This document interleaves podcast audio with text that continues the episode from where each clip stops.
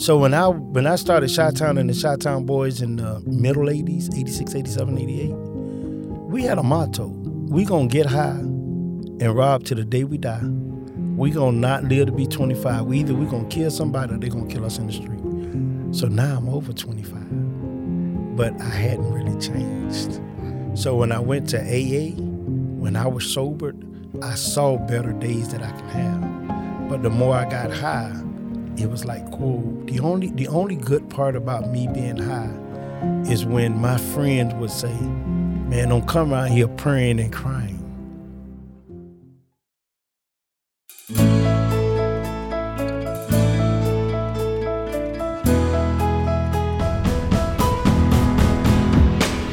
From Fiore Communications, it's How I Got Here, a show of inspiring stories from Tallahassee area leaders, business owners, and neighbors. All the challenges, opportunities, inspirations, the twists and turns of life that led them to where they are today. Everyone has a story worth telling, and I am really grateful that we get to bring a few of them to you. I truly have been changed by my conversations with these amazing people, and I'm confident you will be too.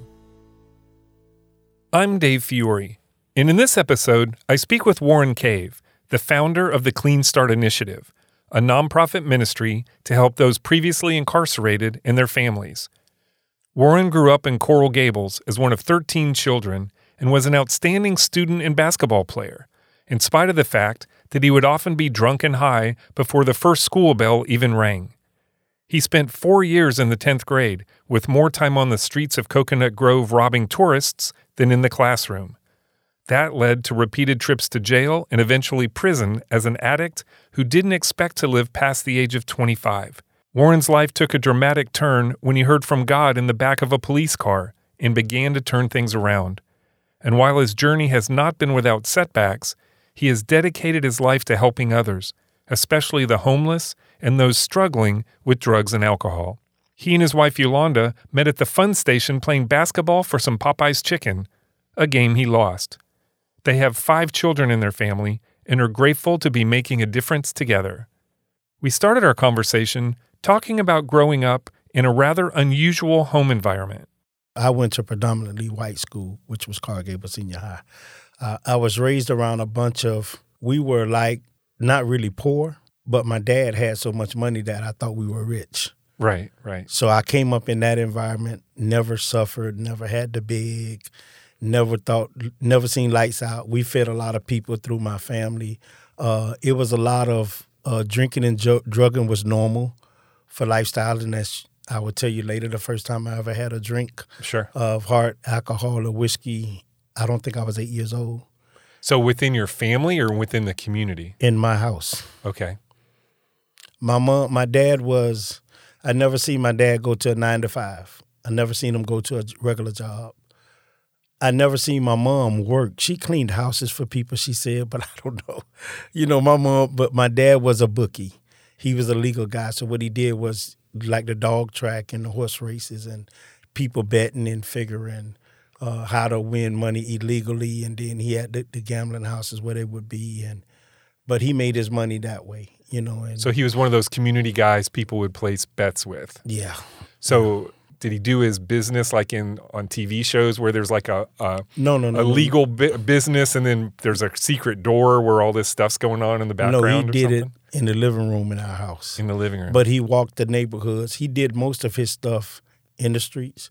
But there were people that was allowed to come to the house. But a lot of people came to the house to get paid.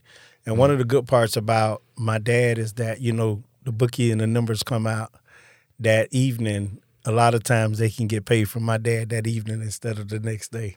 So it was one of those things. So, Right. yeah. so did you know what was going on when you were a kid? You know, I really didn't. You know, I remember I was in the third grade and uh, the teacher said, Well, what did your daddy do? I said, My daddy write numbers. And so she goes and get the other teachers and they was like, she said, Tell them what your dad does. I said, My dad write numbers. And before you know it, all three of them was my dad's customer. so So they knew what you meant, right? I didn't I didn't think of it in a bad way. Right. You know, and uh Just a lot of strangers coming in and out all the time. and and my mom was what you, what you can call a queen. There's there's Masons, and then there are Eastern Stars. And Eastern Stars is like a bunch of women, you know. But every year, my mom was the queen, so we get to travel a lot. There was a lot of parties. They played Pokeno, was a like a card game, uh, spades, tunk.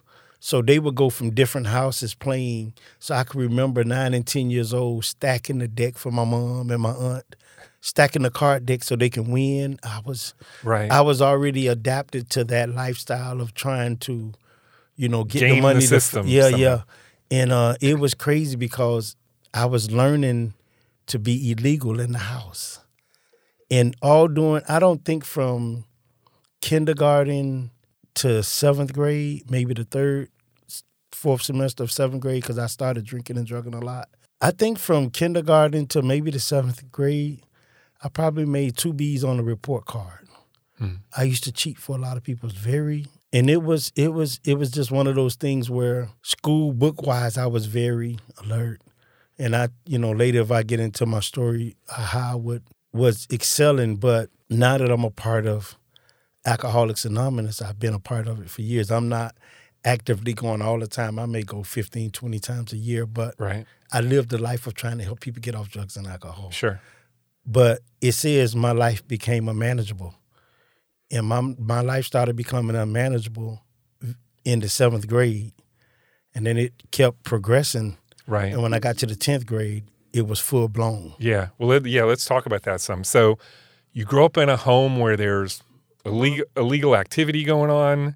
But I mean, what about your relationship with your parents? I mean, were you my, close to them? my, my dad was 20 years older than my mom Okay. so when i was 13 and one of the best athletes in the, the neighborhood in the community my dad never came to see me play a basketball game Hmm. He never came to see me play a football game.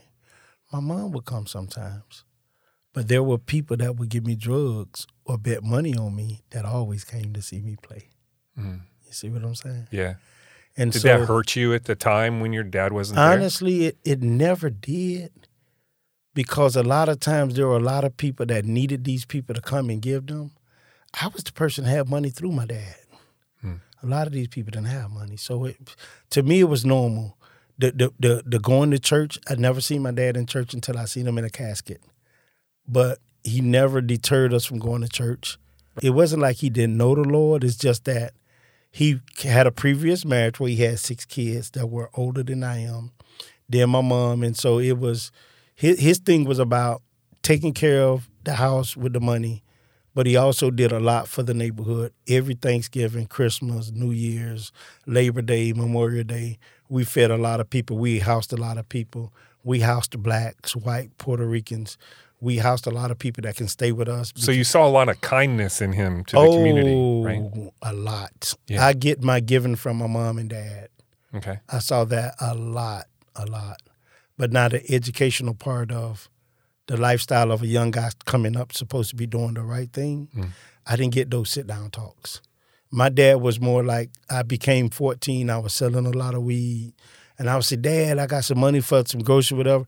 And he had a motto, and his motto was good, but he never sat down and explained it. He said, When you get 18, you grown and on your own. Save your money. So I'm the I'm the knee baby of 13, but there a lot of times there was five, six in the house. Right. So So, when a they- lot of a combined family, Yeah. a lot of kids But when they got 18, they were gone. gone. yeah. You out of here. Right. So that was it. But he never sat down and say, hey, you know what, Warren? Start saving your money. Because when you get out on your own, you're going to have to learn how to manage your money, take care of your. Those weren't the conversation. His thing was when you 18, Just, I'm you done grown helping and you out of here. Right, right. Going back to when you're a little bit younger, you started smoking weed for the first time in like the fifth grade. Sixth grade. Sixth grade. About 11 years old, yeah. All right. So you start, and then by seventh grade, you're selling joints Selling joints, and smoking. and, and drinking a lot of Right. quarts of beer. I mean, I know you were around it some through the environment of some of the people who were in Mm. and out of your house, but how do you get that deep in it so young? I mean, we're talking about middle school. But here's the catch. I was when I was in the seventh grade, I was like the baby dealer of the young guys. There were guys dealing bigger stuff than me that were just as young. You see what I'm saying? Mm. So it, you- yeah. it was the nor- it was the neighborhood. It was normal for someone in Miami. It's a lot of people would start and stop, start and stop. There were a lot of people went to school with me that would try to sell weed and stuff for a little bit and they stopped. I just carried on and on and on. So were there older kids who got you into it? The first time that yeah, the first time that I smoked weed, I smoked weed with some the guys that lived in the apartment area where I lived at, and they were older. They used to smoke, and I was playing ball, and you know they told me, "Don't you ain't got to smoke cigarettes? This make you feel better." So I, you know, you keep telling me that I want to know, and then it made me feel good, and then it just went from there. So were were you trying to? It made you feel good in that you were like escaping from something, or No, you just it liked made- the way it, it felt. made it made me feel, but it made me feel like I was one of the, you were a was cool the guy. kid. Yeah, I'm the Yeah. cool guy. I Okay. smoke weed. You know what Right. I'm saying? Okay. And uh, when when you uh, having on the best clothes, the best sneakers, you you looking semi fly. Um, you you know that's I have never looked semi fly in my whole life. well I, I I'm far from it now, but back then, back then I was uh, Sure. Now again, so Coral Gables is that primarily a white community? predo- a predominantly okay. Put it Because I think of University of Miami when I okay, think Coral yeah, Gables. that's Coral Gables. Right. But I was born on on the borderline of Coconut Grove and Coral Gables. Okay. My physical address was 135 South Dixie Highway, Coral Gables, Florida 33133. Okay. So I was born in Coral Gables, Right. but I mainly hung out in Coconut Grove. Which is a different environment. That is the environment where the predominantly black.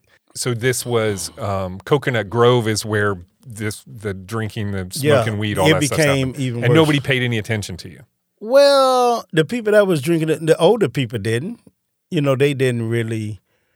You know, when you got a bunch of kids that they we go in the park and we would know we play ball all day, we smoking weed all day, we drinking quarts all day. You can see people 30, 40. Every now and then you would have the one that say, you know, y'all need to just But you're But- not really hurting anybody. yeah, yeah, nah, nah. Right. So to them, it was this is the normal lifestyle for these for us. And so your parents, did they have any idea that you my were dad falling into i this? remember when my dad uh you know marijuana i was i was kind of naive at the time and i did you know he, he my eyes red and he asked you been smoking that weed? I say no but i know i was smelling like a pound. So i remember about three days later a pound in a day. i was no i was smelling like a pound oh, of weed oh, you were smelling like it. you know i knew that when he asked i was smelling like a pound so Right, sure, like, sure. you know and so I mean, I can smell it now driving down Yeah, Thomasville yeah, Road. yeah, so yeah, I don't know how he would. Yeah, yeah and um it was about about a couple of days later i was in between something but i needed some extra money for something and he said i'm not going to be giving you money if you're going to be smoking weed Mm. and so I, I i didn't hardly ask him for anything else because i but he I, he let me know that he was against it you see what i'm saying yeah, but i didn't have a sit down talk right. you know what i'm saying Yeah, I didn't have a sit down talk. Sit down talks are great. My son turned 13 years old today.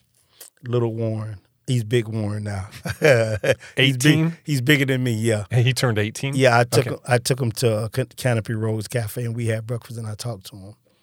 And I don't give him the the sit down talks for me to make him walk how I want to walk. I want you to keep your relationship with Christ. I want you to try to do the right thing. If you make a mistake, I want you to own up to it. And I want you to keep doing what's best for you. Mhm. God has a calling for you. You'll figure it out. But I can't tell him what to do or what I want him to do. But I have sit down with him and I don't have those I'm gonna beat you up by what you did wrong.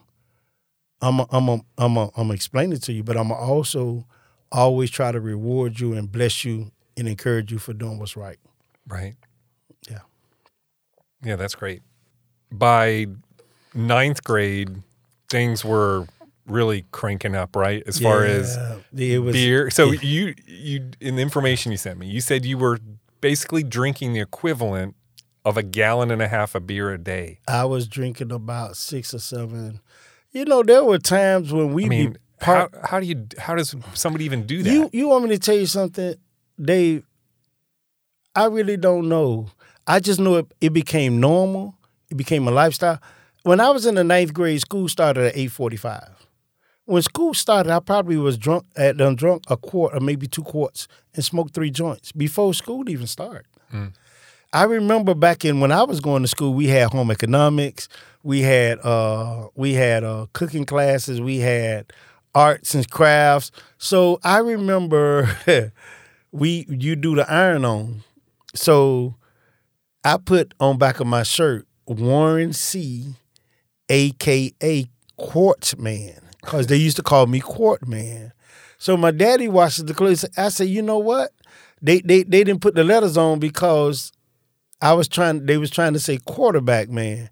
My dad said, you must think I'm, you know, and he just Right. used some choice words.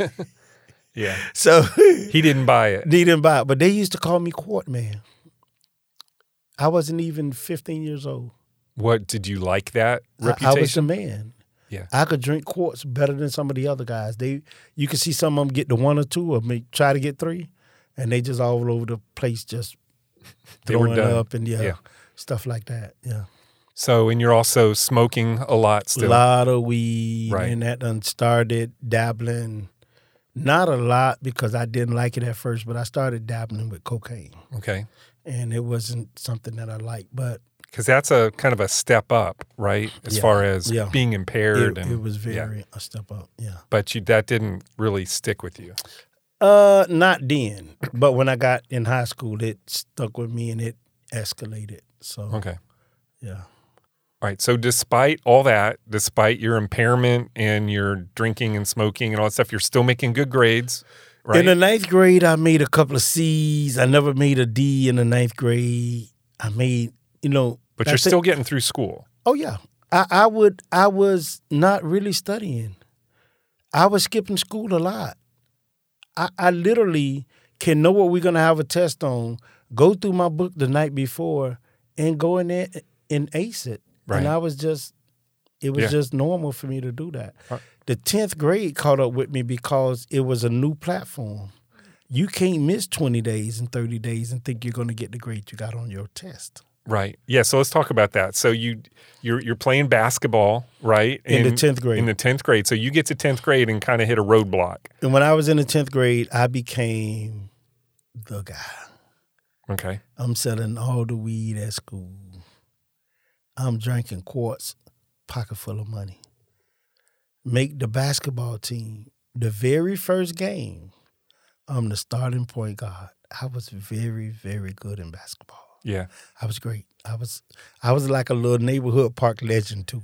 Right. Yeah, I was a legend. So so you kind of got it all going on, right? You've got a lot of street cred, yeah, an athlete, yeah, you know. smart, probably the the girls liked you, right? you know what they did some did but I, I i was i was very picky there were a couple of girls that i really liked in high school Uh-huh. that i really wanted to deal with and the rest of them it, it- i didn't care because I, I liked it what i liked it Sure. and there was a certain type and honestly it was more of the kind where i saw she couldn't be like a wife Uh, the, I, the ones i smoked weed and ran around with you ain't had to worry about me want to date them Right. that was just me Right. you know it was just a different kind So you ended up repeating 10th grade for you spent 4 years in 10th grade. I went to Cargill Senior High in September 1980.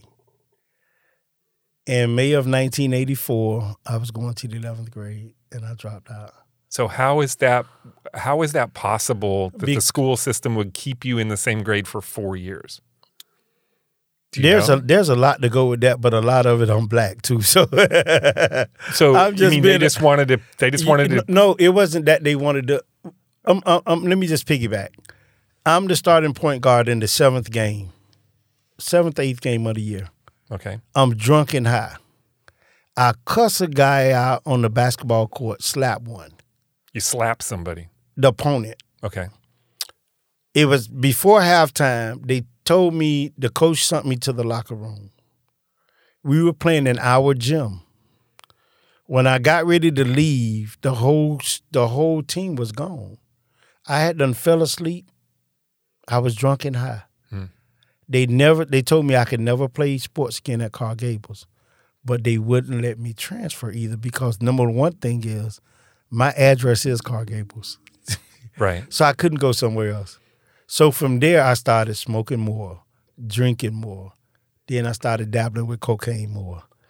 So you eventually got kicked out of school, though, right? At, I dropped out. you dropped. You left. I left. Well, Or it was kind of a mutual decision.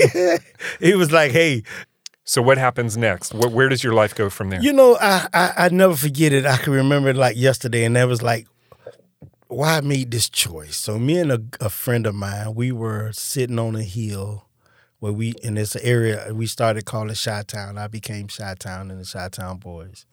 And he was like, Man, you heard about such and such Rob, these people got a Rolex and got three thousand. I'm like, man, why he got paid? So he's like, Man, somebody come through, they got a Rolex, we're gonna take it.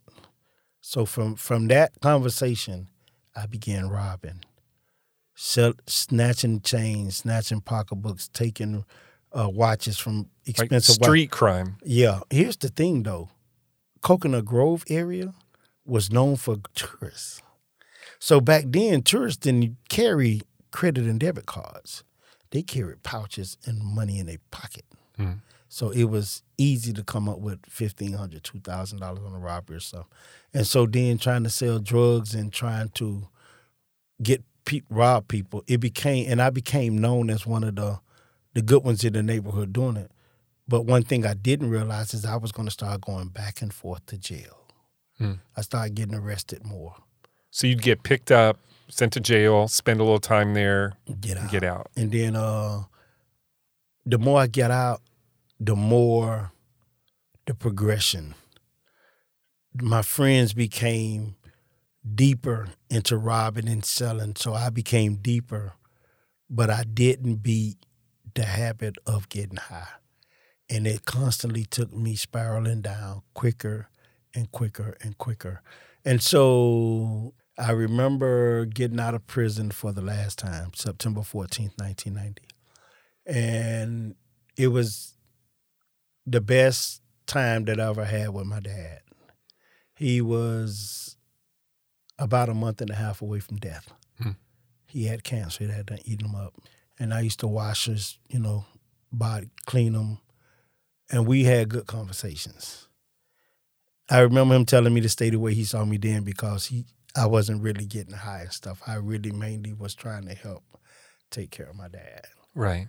And so I remember the day he passed, I went and rolled the joint and it went right back down. Mhm. And so for the next couple of years, I was, I moved to Georgia, same thing, trying to do what I'm doing in Miami and Georgia. And got in a lot of trouble there, got kicked out of Georgia and came back to Miami. And for a couple of years, I was just, when I wasn't in jail and strung out, I tried to go through AA and NA. That's when I got into it. I was mainly homeless.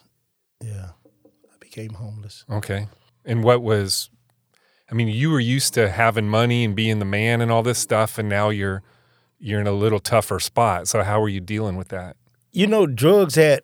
That's why I say when my life became unmanageable.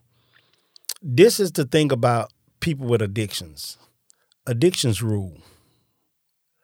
So there was a guy offered me a rooming house. A, a, a room is is a room. It's like a hotel, a big old building with like thirty rooms. So Yeah. you pay like sixty dollars a week. I prefer to get high before I get somebody sixty dollars a week. Hmm. I'm not gonna do that. I'd rather go sleep on somebody's couch when I can or sleep on the park because my money was made for dope. And the great part about it, God has a sense of humor. Now, if I had a child in the 80s, early 90s, and they needed a diaper and I needed crack, they'd got a dirty t shirt. Hmm. So that was my philosophy. Right. And I know a lot of people they don't see it that way, but that it, it when you you hear of the person's not being responsible and they have an addiction, it's because the addiction has taken over, and the main responsibility in life of the person that's the addict is, I want this feeling or I wants to do this what I want to do Right. compared to what I need to do, Sure. and that's where I was at. At this point, were you thinking at all about how what your life was going to look like, how old you thought you would be when you died, or like what what the end of this was going to be? Well, I made it to 25. So when I when I started Chi Town and the Chi Town Boys in the middle 80s, 86, 87, 88, we had a motto. We gonna get high and rob to the day we die. We gonna not live to be 25. We either we gonna kill somebody or they gonna kill us in the street. So now I'm over 25. But I hadn't really changed. Hmm. So when I went to AA, when I was sobered, I saw better days that I can have. But the more I got high, it was like cool. The only the only good part about me being high is when my friends would say, Man, don't come around here praying and crying. For some reason, my attachment to Christ and God was heavy. Hmm. I can get high and start crying. Lord, help me. You know, I'm about to get high. And Lord, don't kill me because I want to do better. But this was me. I had a relationship, but the addiction was overtaken. And I can always say this here, and it's not to knock anyone. My sponsor did the best he can do, but my sponsor was only one man. Hmm. If you have a, a network and a support group that's strong, you can overcome it. And I didn't have it that way because I ran from my family, which could have been a support group, Right. and I ran to the ones that was trying to help me be destroyed. Right.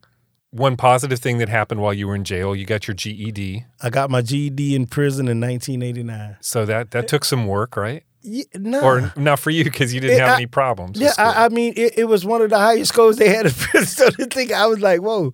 But I remember coming home, and my dad says, now this is my dad. We talking 1990. I didn't graduate from Gables, and I had a stint at Miami Dade.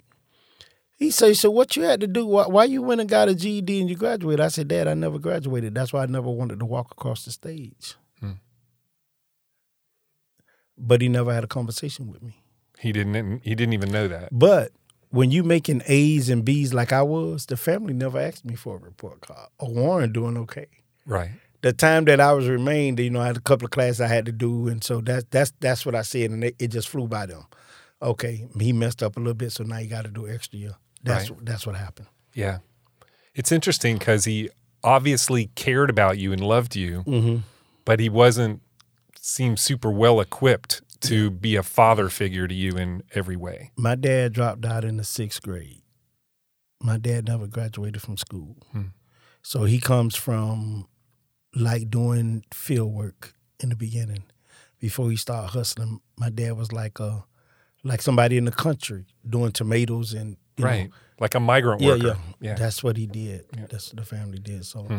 So that's you know that's that's the way. And so he went to hustling after that. But Right. that's that's what he made. So he didn't have, but he was very smart, very educated. But but he just you know with me. And when you Right. got a big family like that and you get older, times were changing. People because my dad was just mellow set. He gonna do his numbers. He go to bed eight thirty, nine o'clock at night. He get up four o'clock in the morning, go pay off people, doing things, buying, come home every day. You know, at the time when everybody's going to the corner store, we talking about 72, 73, 74. And my dad coming home, three, four bags of Publix grocery. People like, man, your dad go to Publix, y'all got money. Publix is just, a night- but I'm just Yeah, saying, yeah. but where I come from, That's they couldn't afford Publix. Sure. so that's Yeah. the way that was. That's interesting. Yeah.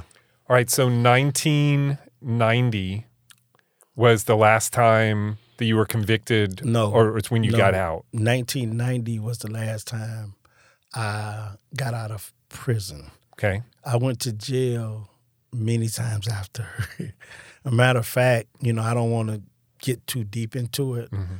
but I've been to jail in Tallahassee four times, and I have a charge that was in 2019 that came up. That you know, I really discussed that some other time. But Right. I've been I've been in trouble. Um, a couple of times I, I was not really doing something what I was arrested for. A couple of times I have. I can say this. The last time I went to prison and got out in 1990, I really didn't do the charge that I but my record I would have went to trial and lost. Right. So that's tho- those are the the the consequences of being a convicted felon. So I didn't have benefits where you don't you ain't been there much, so you can get a little favor. Right. Right. So that's the way that goes. When Yeah. you've been convicted a lot, you're looked at more as the person that did it than the person that didn't do it. Right. And we'll be right back. How I Got Here is sponsored by Barineau Heating and Air Conditioning in Tallahassee. I've been friends with Patrick Barineau since we met in a chamber leads group about 15 years ago. I'll admit that I pursued him pretty hard to be his marketing firm and eventually won him over. And the reason I wanted to work with him is that I was already a customer and I knew what kind of company he and his father before him had built. He cares about his customers, he cares about his team, and he cares about this community. I've experienced Barineau Heating and Air when they installed a complete system replacement a few years ago, and I enjoy peace of mind and same day service with my Total Comfort Service Agreement. I've also been behind the scenes at their office and seen firsthand the true character of this company. And that's why we're so proud to represent them. To learn more or to schedule an appointment online anytime, visit barineauac.com. They really always will be there for you. And now back to the show. What happened to you on June 3rd, 1997? The the the the, the world was waiting on Warren to straighten up, and Warren wasn't going to straighten up. So God Himself came to touch me and clean me. I was uh, been up three days, very suicidal, hopeless. I've been out of jail. I got out of jail on a Tuesday. The following Tuesday, which was seven days, I was back in the in the handcuffs, Mm. and I've been up for three days, three four days. So that's the lifestyle I was living. I wore about 147 pounds. Um, I looked at like the Walking Dead. And in the backseat of the police car, I'd never forget it, Dave. It's like there was a big fire, and the car was on fire and all this smoke. There was no police around because they was looking for, for a gun and drugs. There was nobody in the car, no officer in the car. And in the smoke, God kept saying, "Surrender, I love you." Hmm. And I kept hearing the voice. So you audibly heard him. yeah, and but here's the crazy part. I say, man, I don't want no more of that dope. Whatever this is. I don't I want, don't no, want. I don't want no more of this dope. Yeah. So he kept saying, Jesus love you, surrender. And I kept, and then it kicked in. The me praying, me asking God to help me when I'm high. You know, all those times before when you were crying and praying and high. and people didn't want me doing that. Right. But now this was the benefit of that. So you think God was answering your prayers by coming to you at that point? there's a scripture where it says that if if God has a hundred sheep Hmm. and one is lost, he'll leave the ninety nine to go find the one. Right. He personally, I wasn't at an altar, I wasn't in an AA room, I wasn't being counseled, wasn't in no therapy class, I wasn't out praying. I was out trying to destroy my life. And he came and touched me. I was a person that said, I'm always drinking drug until the day I die. I'm going to rob and kill somebody or die in the street till the day I die. From June 3rd, 1997 to September 13th, 2023, I've never had a desire to drink and drug, never smoked a joint, never drunk alcohol, don't carry no weapons, no knife, no gun, no nothing. Hmm. He delivered me. The crazy part is when I went to court, I asked them before I went to give me a drug treatment program because I'm really a junkie, that I'm really an addict. And they say, Warren, you're looking at 40 to 80 years if you go to trial. This is what the guy tells me. Wow. So he said, You're looking at 40 years. He say, I'm going to send you back. And we're going to try to make them come. we- You probably come to court a couple of times. Try to drop it down to 20. We're going to try. The best I could do is try to get you 15 years. If you go to trial and lose, they can give you 80 because you're an, you're an, you're an habitual offender. I went to jail for robbing and selling to undercovers four times within one year. And with my record, I should have been went back to prison. Right. And so uh, I went to the the cell, and in my cell, I went on a fast for three days. It's the first time ever. Hmm. It's not documented in the court system, Dave. I got a clip that's going to be in my book. I came off my fast about six thirty that evening, and about 719, 721, somewhere in the in the book, the police that arrested me shot a guy planted a pistol on him. He lived. They became corrupt. I get to talk to you today. Wow. That's what happened Instead of being in jail. instead of being in jail. And when I got out of jail, instead of me going back to my friends, I walked about four and a half, five hours to a shelter. And the shelter was packed, so I stayed overnight at a three quarter halfway house that my sponsor took me to. And on November 15th of 1997, I went to the homeless assistance center called the, the Hack, a shelter. And I stayed there from November 15th to March 30th. I worked two or three jobs, never smoked a cigarette, never touched a woman, saved all my money. And when I left, I furnished a two bedroom apartment. It really was three, but it's like two. It's a little little small room.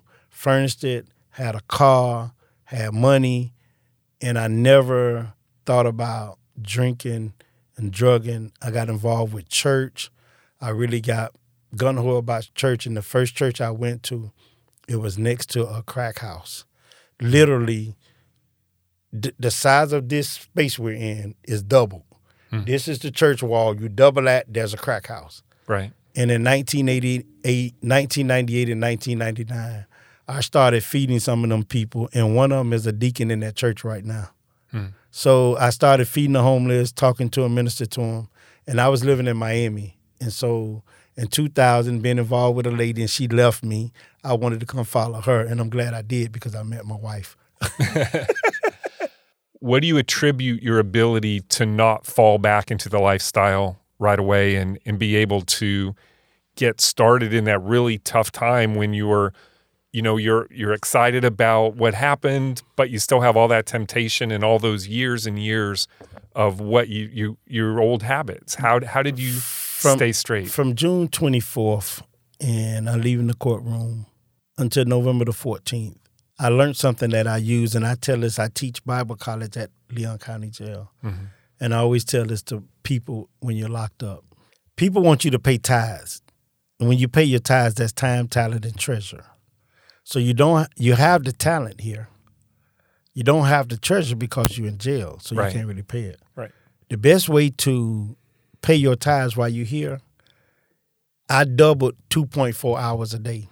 So I made sure I do four or five hours a day that I was in the presence of God and I was praying and studying and trying to get my life in order. Mm. I was paying my tithes to Him for my past so He can help me in my future. Right. And right now I'm getting caught up because it's Yeah. it's, it's good. It works. Yeah. You know. So yeah.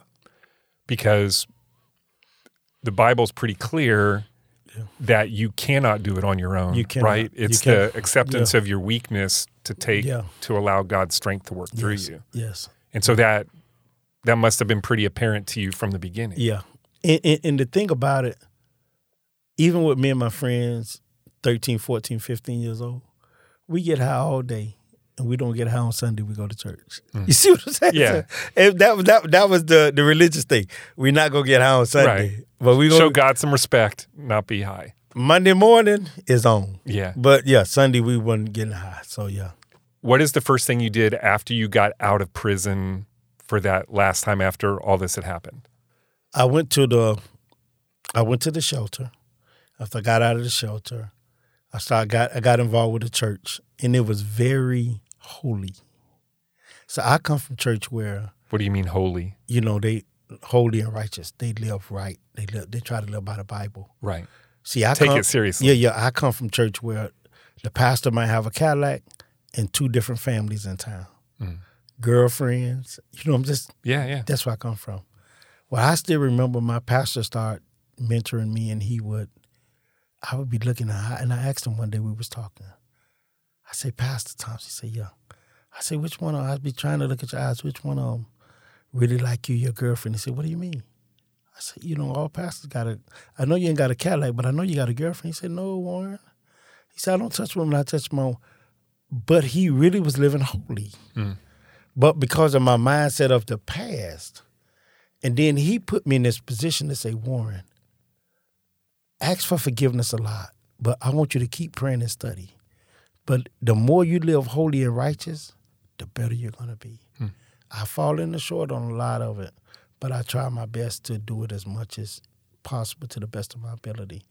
And he helped me with that. And from that point, I began to start helping people that was come from where I come from.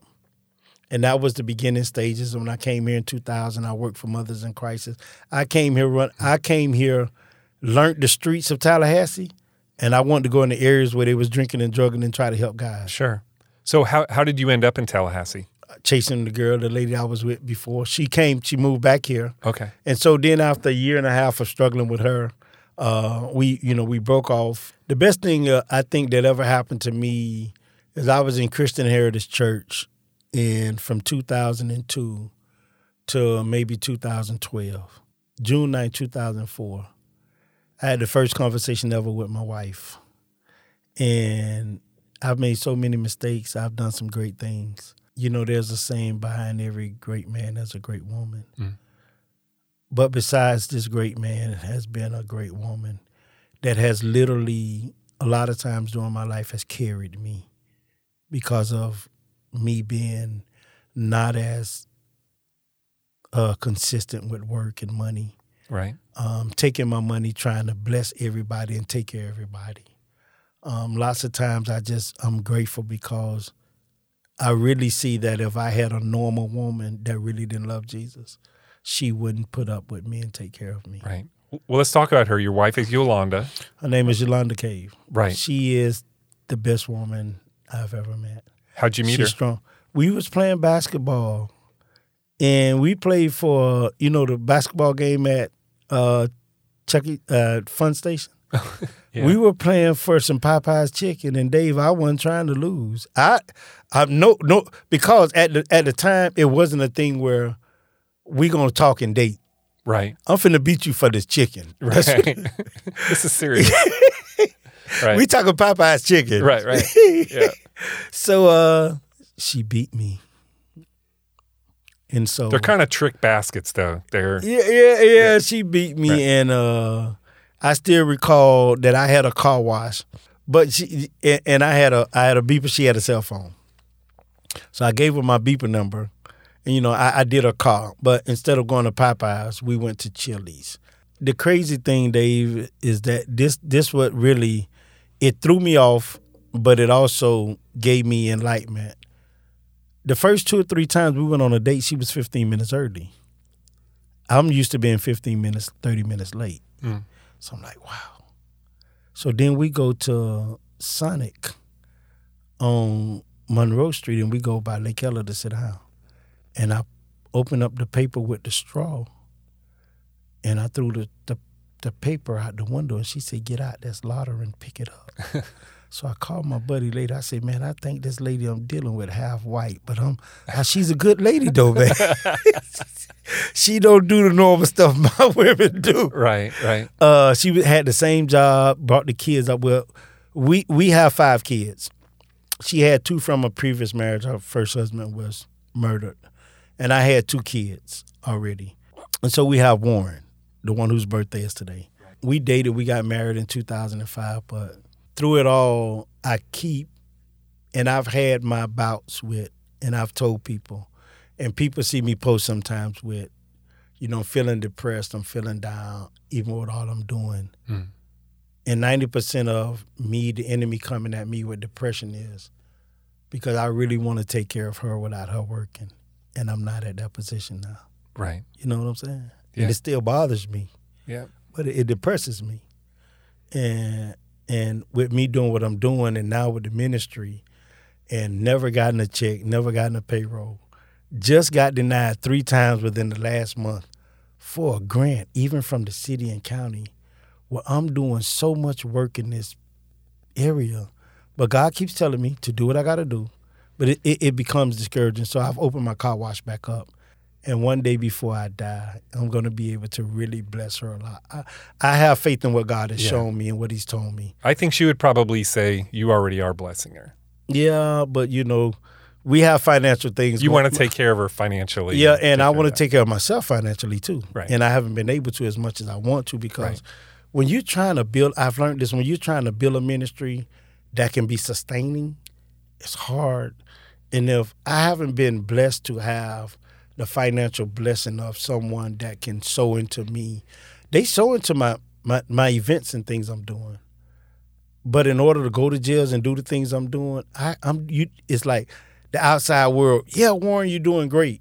But the inside world, Warren, where's your money? You need to take home. You need to try to do something for yourself to better yourself. You see what I'm saying? So those Yeah. it's discouraging. Right. So you talked about your car wash. That's Bless My Ride. It's called Bless My Ride Custom Detailing. and you I- founded that in 2002 originally. I right? found, when I was here, I was dating a lady. and She became pregnant, and I still remember on February 26th, my firstborn child, Jasmine, was born. And you know, I was doing what I could do. I had a I had a job at Walmart, and I was doing some cleaning house. I I, I was just working, and I was like, man, how can I just really do something and really a little where I can help my daughter with more money. And so on my birthday in 2002. I uh, got me a brown paper, you know, like the paper from Walmart you put your groceries in, like Yeah. being Publix. I got one and I tore it up, I cut it up, and I made 50 of my 446 9380. That was my that was my pager number. And I I gave it to people saying the name of my car wash is the Anointed Hands Car Wash. If you need a car wash, so that's how I started. And I be I went Wow. went from Anointed Hands to Bless My Ride. Okay. I've been a vendor for Florida State. I'm a vendor for the state. Um, I do a lot of doctors and nurses cars here in Tallahassee. Through my car wash, I've blessed so many families with a lot through the car wash. And one of the biggest problems that I used to call myself a failure and be depressed is because I was great at selling car wash coupons and car washes to take care of people, mm-hmm. but wasn't great at doing car detailing to take care of Warren. So now my mindset is flipped. So it's I'm gonna take care of me. I love people, but I'm but I, Well, I'm you can't do anything if you're not Yeah, in a good taking s- ca- place yeah. yourself. Yeah, so Right. that's that's what's been going on with that. Right. So it's you stopped doing it for a little while and now you're back doing it again. I'm back doing it full time. Okay. Uh, I'm doing my ministry full time. Uh, my ministry is full time, but the, the thing about my ministry is I've done so much and I've been so equipped with. God has given me a gift to be educated. So now I use that gift now. I did four years in the 10th grade, but from 2004 to 2012, I did seven years of theology and I got a master's degree okay. in theology. At Covenant Bible College. Right. Yeah, in seminary. Right. And so I use that teaching and what my lifestyle. So I could use the natural, the spiritual, and the worldly approach to teach life skills to individuals that's spiraling down, been on drugs and alcohol or still is, ex offenders trying to find a job. Right. I teach life skills to these kind of individuals, and I'm very effective at it. Right. And that's the Clean Start That's Initiative. That's the Clean Start Initiative. And it is, when I tell you, it is amazing how God can use your past and use you Hmm. to do some things. I, I love my ministry. Uh, like I told you, when I was arrested in 2019, I sat back for two days and I really looked and say, nah, if they going to try me like this, I'm not going to help nobody no more. And I still remember riding in a car with Pastor Derek McGee. He's a good friend of mine. And Derek says, Warren, I see yeah, man, I'm gonna say. He said, I'm gonna ask you one question. He said, I want you to pray about this. What did God tell you to do? And what does mm. He want you to do? And I prayed. I went on a fast. God told me the same thing He's been saying. You take care of people, I'm gonna take care of you. Mm. And so I went in. And for the purpose of our conversation, those are 2000 you arrested in 2019, but that's an ongoing Yeah, case. yeah. So we're not discussing the details yeah, of it. Of that, yeah. Right, right now. So uh, yeah, that's it's still going going. Right. Uh, so he uh, and he told me that, and I, I'm just gonna I'm just gonna say this. 2020 was the the pandemic. 2021 and 2022. 2019, I said I'm giving this up. I pray about it, and God says no. In 2020, 2021, and 2022 my giving backpacks and school supplies, school clothes for kids, Thanksgiving turkeys for families, gift cards for families. But the Clean Start Initiative, I teach Bible College every Tuesday at Leon County Jail. I do life skill teaching. I mentor uh, youth, and I, I'm gonna put this on the record to to show the effectiveness of a couple of judges, and DJJ has had me to get in touch with a couple of families this year. Four kids that have come to me that I've met the dad. The dad has a job now. Think about it. Think about it. Yeah, that's awesome. You know what I'm saying? Yeah. And I love what the Clean Start Initiative is doing. It is is is great. It's wonderful. And the thing that is more promising about it is is when you start seeing one bro- broken piece of a puzzle, and it's a it's seven pieces to this puzzle, and they're broken. Dad ain't working, mom on welfare, child is disturbed, this child is disturbed. The other three that are small going coming up, they are caught in the middle of it. So you catch the kid that is is that is struggling and at risk and about to go in and out of the system. You help him to see himself being better. You talk to mom and dad, you get dad a job. Now you got mom and dad going to church. Now the family's going to church, and then you're making a family become whole. Right. That is more gratifying to me than anything. Yeah. But Dave, I'm not saying this just to big. I can't keep doing it without getting funded. Right. That's my problem. That's the big issue with Warren. I'm doing great work, but I'm not funded. And, and when the time I take away from my family and I'm wearing down my body and I'm doing everything I need to be doing. All right, let's shift gears a little bit. Yes, sir. All right, you're also doing things in the community. Yes, you sir. are a current member of the Leadership Tallahassee class. Let me tell you something. I love it. Do you? That see, God blesses you with. Let, let, I'm, I'm a, I- it's the entire class. It's the entire class. Hats off to Sue Dick from the Chamber of Commerce. Barbara Boone, Marcus Nicholas is over us. Yeah. But man, I can go, and if I miss somebody, forgive me. Right. But I got sexy Sam McMillan. I got Joe Ward. I got uh, Sandy, Tasha. I got Kat King. I got You're going to run into trouble here because you're never going to I- remember I, all I got, 40 I got. Shawty, and uh, you know, it, it's so many of them, and, and they are they are so. We get together, we we we hang out, we do things, but even when I'm not with them, I see a post every day of another LT41 member helping someone else or doing something with them. I, they've helped me with my car wash a lot, but it, it it's a com, it's a camaraderie. It, it's we- we're like in a Hall of Fame or or, or fraternity Yeah. that I'll be in forever. Yeah.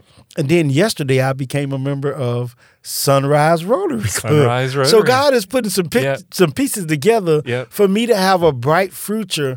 But with Sunrise Rotary Club and even with LT Forty One, these are fraternities that love to help people and do things without looking for. LT41 is teaching me how to become a greater leader. The Rotary Club is teaching me how to give effectively in places that's really needed. Right. This is God working on behalf of me. Yeah. Good combination there. Yeah, it's great. So what what is that how have you benefited from being exposed to different parts of the community that maybe you didn't know as much about? So it's teaching me how to get out of my comfort zone. But more than anything, the perspectives and the ideas in the ways to help and to live that I've been learning from being in LT41, it's been amazing. I haven't even been in it four months and it's been life changing because I'm seeing things from a di- from the first weekend we went to Jacksonville to today. It's just a different Yeah. a different avenue, a different weekend.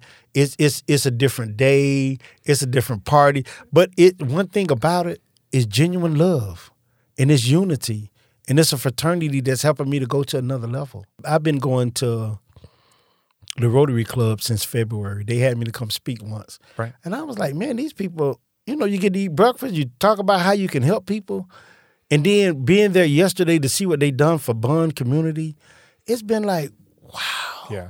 I get to be a part of something that can help with no strings attached, and you know it's going to be great help you're giving, Right. and it's priceless. Yeah, you're talking about mottos, and of course, our, our motto is um, "Do good and have fun," and have fun. and that's that's it. Yeah. that's the whole thing. Yeah, and it's I love it, man. I Yeah. got pinned yesterday, which Yeah, was great. Congratulations! and I know uh, that's it, awesome. it, it's uh, in Jerry Osteryoung. he's my financial advisor, and CJ Arlett is on my board of directors. Yeah. So at the same time, they've both been mentoring me with leadership Tallahassee, Clean Start Initiative, and now and now Rotary. Yeah. so it's just like yeah, you can't the both of both. I got the best of both worlds. that's awesome. Yeah. All right, so finishing up with two two more questions. Mm-hmm. All right, first, so Warren, looking back, um, what is the one thing or person that has changed or altered the trajectory of your life to this point?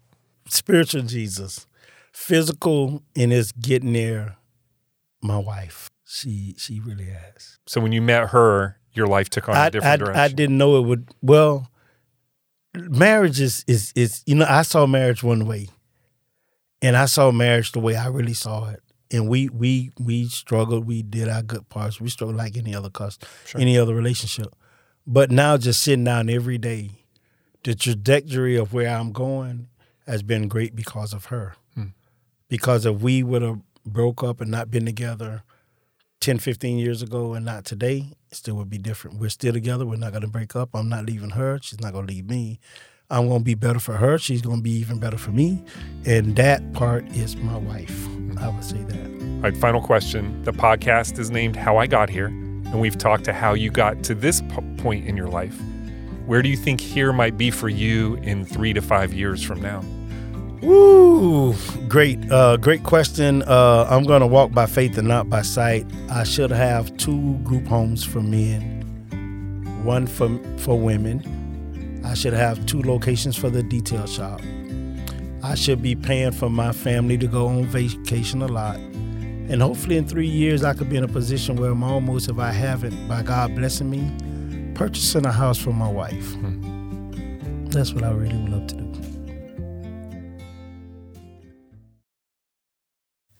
Thanks for listening to the show.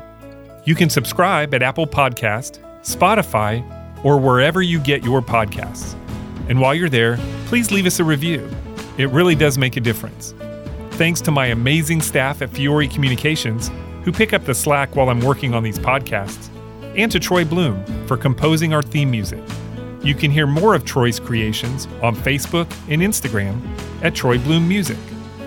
To connect with the podcast or suggest a future guest, follow us on social media or email us at podcast at fiorecommunications.com.